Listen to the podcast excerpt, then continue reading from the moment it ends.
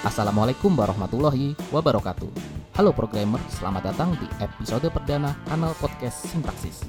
Bersama saya, Teddy Trisabutro. Sintaksis adalah kanal podcast yang saya dedikasikan untuk membahas topik seputar dunia pemrograman hingga teknologi termutakhir. Di tiap episodenya saya akan memilih satu topik menarik untuk dibahas di sini. Karena itu tetap subscribe kanal podcast ini agar Anda tidak tertinggal episode terbaru dari Sintaksis. Dalam episode pertama sintaksis, saya akan membahas mengenai satu teknologi yang sekarang sudah umum digunakan oleh banyak programmer, terutama di dunia microservice. Namun berapa banyak dari mereka yang menggunakannya terkadang tidak paham konsep di balik teknologi tersebut. Teknologi yang saya maksud adalah software container. Saya akan membagi pembahasan saya tentang kontainer ini di dalam tiga segmen, Segmen pertama saya akan membahas mulai dari pengertian, latar belakang, hingga sejarah dari mengapa teknologi kontainer diperlukan. Berikutnya pada segmen kedua saya akan membahas tentang miskonsepsi yang sering orang salah pahami tentang kontainer. Berikutnya pada segmen ketiga saya akan membahas tentang arsitektur yang ada pada Docker. Inilah sintaksis bersama saya Teddy Trisaputro.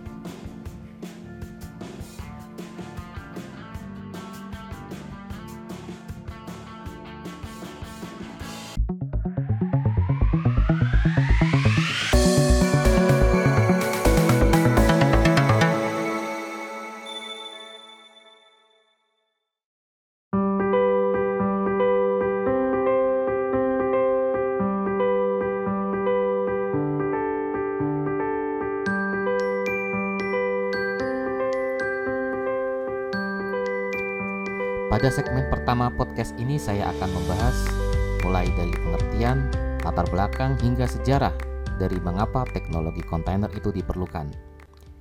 Istilah kontainer di dalam dunia perangkat lunak adalah sesuatu yang masih bersifat abstrak. Karena istilah ini sering digunakan di banyak kasus untuk mendefinisikan sebuah komponen yang bertugas menampung komponen-komponen lain di dalamnya. Misalnya istilah bin container pada Spring Framework merupakan sebuah tempat yang berfungsi menampung dan mengelola daur hidup objek-objek pada framework. Begitu pula pada Apache Tomcat yang sering disebut sebagai servlet container. Artinya tempat menampung dan mengelola daur hidup dari servlet. Nah, lalu bagaimana pada istilah kontainer di dunia virtualisasi? Agar tidak ambigu dengan istilah kontainer yang lain, saya akan menyebutnya sebagai software container. Konsepnya sebenarnya sama, Secara prinsip, software container adalah komponen yang bertugas menampung dan mengelola software dan juga proses di dalamnya. Gambaran kontainer di dalam konteks software container kira-kira seperti yang ingin disampaikan Docker melalui logonya, yang bergambar paus dengan kotak-kotak kontainer di punggungnya. Untuk lebih memahami, saya akan menganalogikan software container seperti kotak-kotak kontainer yang biasa ada di pelabuhan.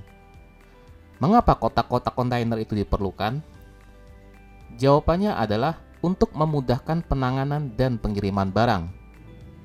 Setiap barang yang dikirim pasti memiliki jenis, bentuk, ukuran, hingga cara penanganan yang berbeda-beda.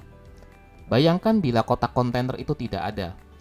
Betapa repotnya petugas karena harus menangani bongkar muat item per item yang sebegitu banyak, yang beragam variannya mulai dari ukuran, bentuk, hingga jenisnya. Resiko yang ditimbulkan bisa jadi juga dari sisi keamanan, seperti hilangnya barang yang dikirim karena pencurian atau barang yang rusak karena salah dalam penanganan. Itulah kemudian yang akhirnya mendorong inovasi dari lahirnya kotak kontainer. Semua barang yang dikirim, apa pun bentuk, ukuran, dan jenisnya haruslah sudah dikemas di dalam kontainer tersebut dengan spesifikasi dan dimensi yang distandarisasi. Ukuran dan spesifikasi dari kotak kontainer yang distandarisasi di seluruh dunia ini adalah kunci utamanya. Karena dengan adanya standar kemasan barang yang dikirim, maka pelabuhan di seluruh dunia akhirnya dapat menangani bongkar muat barang dengan cara yang seragam, baik prosedur hingga alat yang digunakan. Hal ini tentu pada ujungnya mempermudah dan mempercepat proses dari pengiriman pelabuhan, pihak ekspedisi tidak perlu tahu menahu apa isi dari barang tersebut. Bagi ekspedisi, semuanya adalah kotak metal seragam yang ditangani dan dikirim dengan cara seragam pula.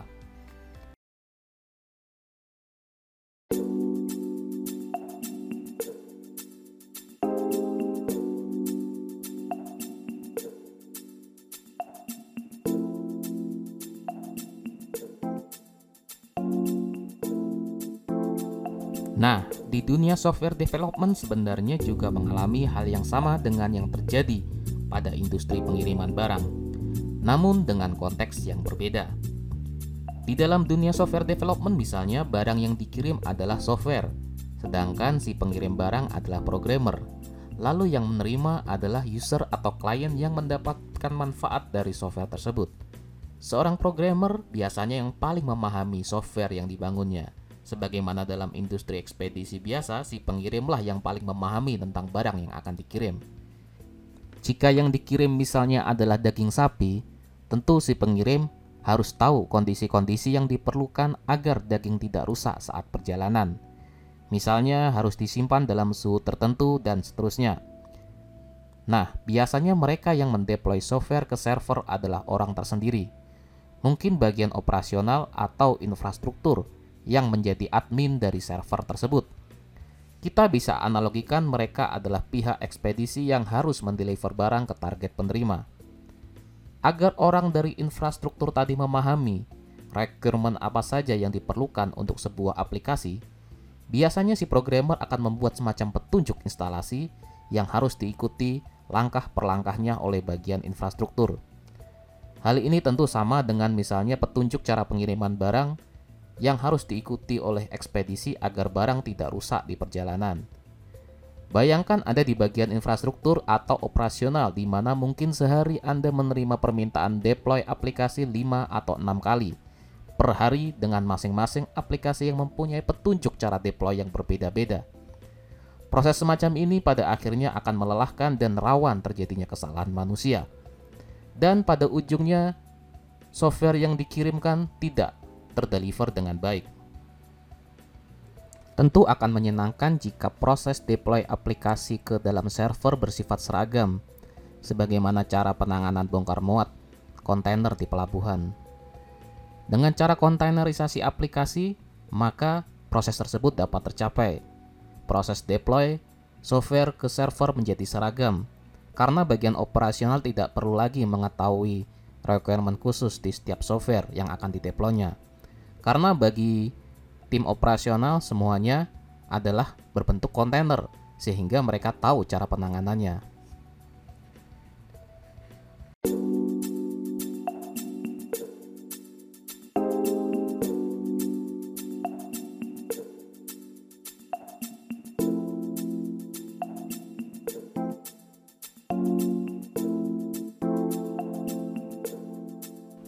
Nah, di dalam dunia komputasi sendiri sebenarnya teknologi kontainer bukanlah hal yang baru. Karena secara historis, sistem operasi bergaya Unix pernah menggunakan istilah jail yang artinya penjara.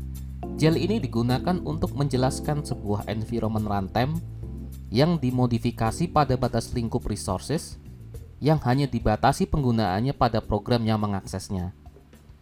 Fitur jail ini kemudian kembali di tahun 1979 dan berevolusi hingga pada tahun 2005 saat Solaris 10 merilis yang disebut dengan Solaris Container.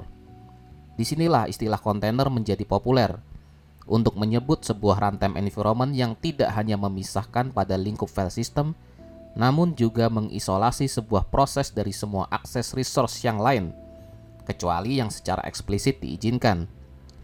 Penggunaan kontainer ini telah menjadi best practice sejak lama, namun, membuat software kontainer sendiri secara manual teramatlah sulit dan rawan akan terjadinya kesalahan.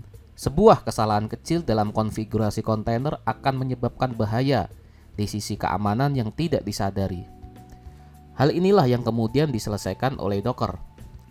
Programmer menggunakan Docker untuk memasukkan software yang ingin dia kirim ke dalam kontainer, sehingga memudahkan pengiriman karena tim operasional ataupun tester tidak perlu lagi mengetahui isi di dalam kontainer karena semua yang dikirim programmer adalah kontainer sehingga mereka hanya perlu menanganinya dengan cara seragam pula.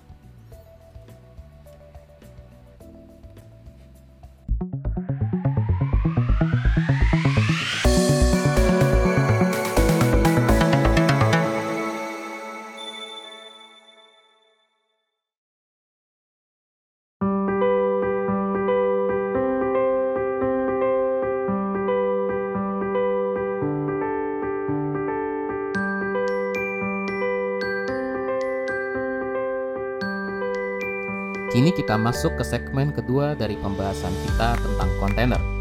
Saya akan membahas mengenai miskonsepsi banyak orang terhadap software kontainer. Saya mencatat setidaknya ada dua miskonsepsi yang paling sering ditemui. Miskonsepsi pertama adalah menyamakan antara kontainer dengan virtual mesin. Perlu pendengar ketahui bahwa virtual mesin berbeda dengan software kontainer. Meskipun keduanya merupakan solusi yang sama-sama mampu menjawab kebutuhan akan environment yang identik di tiap mesinnya. Baik virtual mesin ataupun kontainer, keduanya melakukan isolasi resource dan membatasi akses dari luar ke dalam. Begitu pula sebaliknya. Lalu, apa yang membedakan keduanya? Perbedaan mendasar antara software kontainer dengan virtual mesin terletak pada pendekatan berbeda yang dilakukan keduanya. Virtual mesin menggunakan teknologi virtualisasi perangkat keras yaitu hypervisor, di mana di atas hypervisor dapat diinstal sebuah GUIS OS. Jadi, virtual mesin akan menjalankan sebuah sistem operasi yang benar-benar terpisah dengan sistem operasi host. Namun, yang menjadi kelemahan dari virtual mesin adalah ukurannya yang begitu besar. Sementara software container adalah fitur yang sebenarnya sudah ada di dalam sistem operasi, Kontainer merupakan fitur dari kernel Linux sejak tahun 2007. Kontainer hanya akan menjalankan aplikasi dan resource yang dependensinya pada lingkup user space, di mana proses dan library yang terkait di dalam kontainer ini akan diisolasi atau dibatasi aksesnya keluar ataupun ke dalam.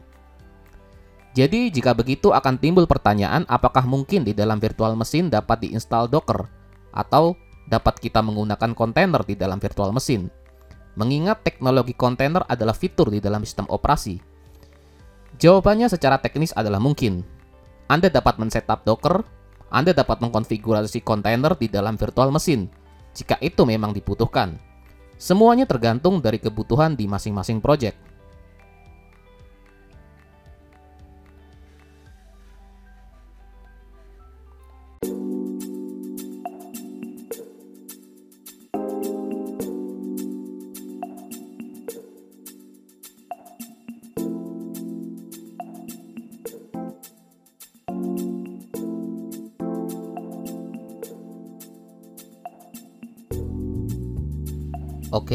Tadi adalah miskonsepsi pertama yang sering orang salah pahami tentang kontainer.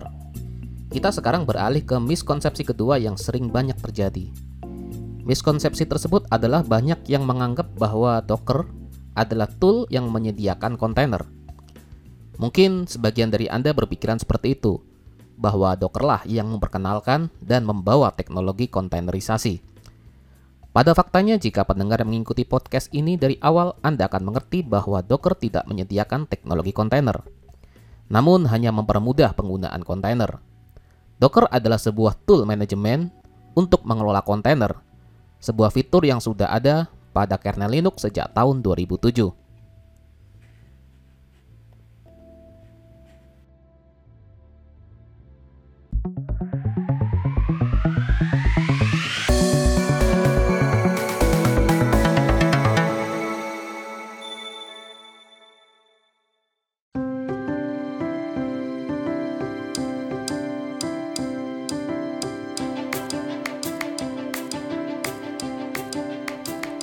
Pada segmen ketiga podcast ini saya akan membahas secara singkat mengenai arsitektur dan komponen-komponen utama di dalam Docker.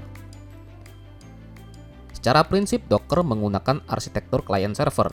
Jadi Docker memiliki dua komponen utama. Yang satu adalah komponen yang berlaku sebagai client dan yang satu adalah komponen yang berlaku sebagai server. Komponen yang berlaku sebagai client disebut sebagai Docker client sedangkan yang berlaku sebagai server disebut sebagai Docker daemon. Docker client akan terhubung dengan Docker daemon, di mana Docker daemon ini yang akan melakukan proses building, running, hingga distribusi dari kontainer Docker. Docker client dan daemon bisa berjalan di sistem yang sama, atau pengguna dapat saja menghubungkan Docker client ke Docker daemon di sebuah remote server. Docker Client dan Docker Daemon ini berkomunikasi menggunakan REST API melalui Unix sockets atau sebuah antarmuka jaringan. Karena berlaku sebagai server, Docker Daemon melakukan listen terhadap request API dan melakukan pengelolaan objek seperti image, container, network, dan juga volume. Sebuah daemon juga dapat berkomunikasi dengan daemon yang lain untuk mengelola sebuah Docker service. Sedangkan Docker Client adalah sebuah aplikasi yang digunakan pengguna agar dapat berinteraksi dengan Docker. Misalkan ketika pengguna mengetik perintah Docker spasi run, maka Docker Client akan memberikan perintah pada Docker daemon untuk melakukannya. Docker Client dapat berkomunikasi dengan satu atau lebih Docker daemon.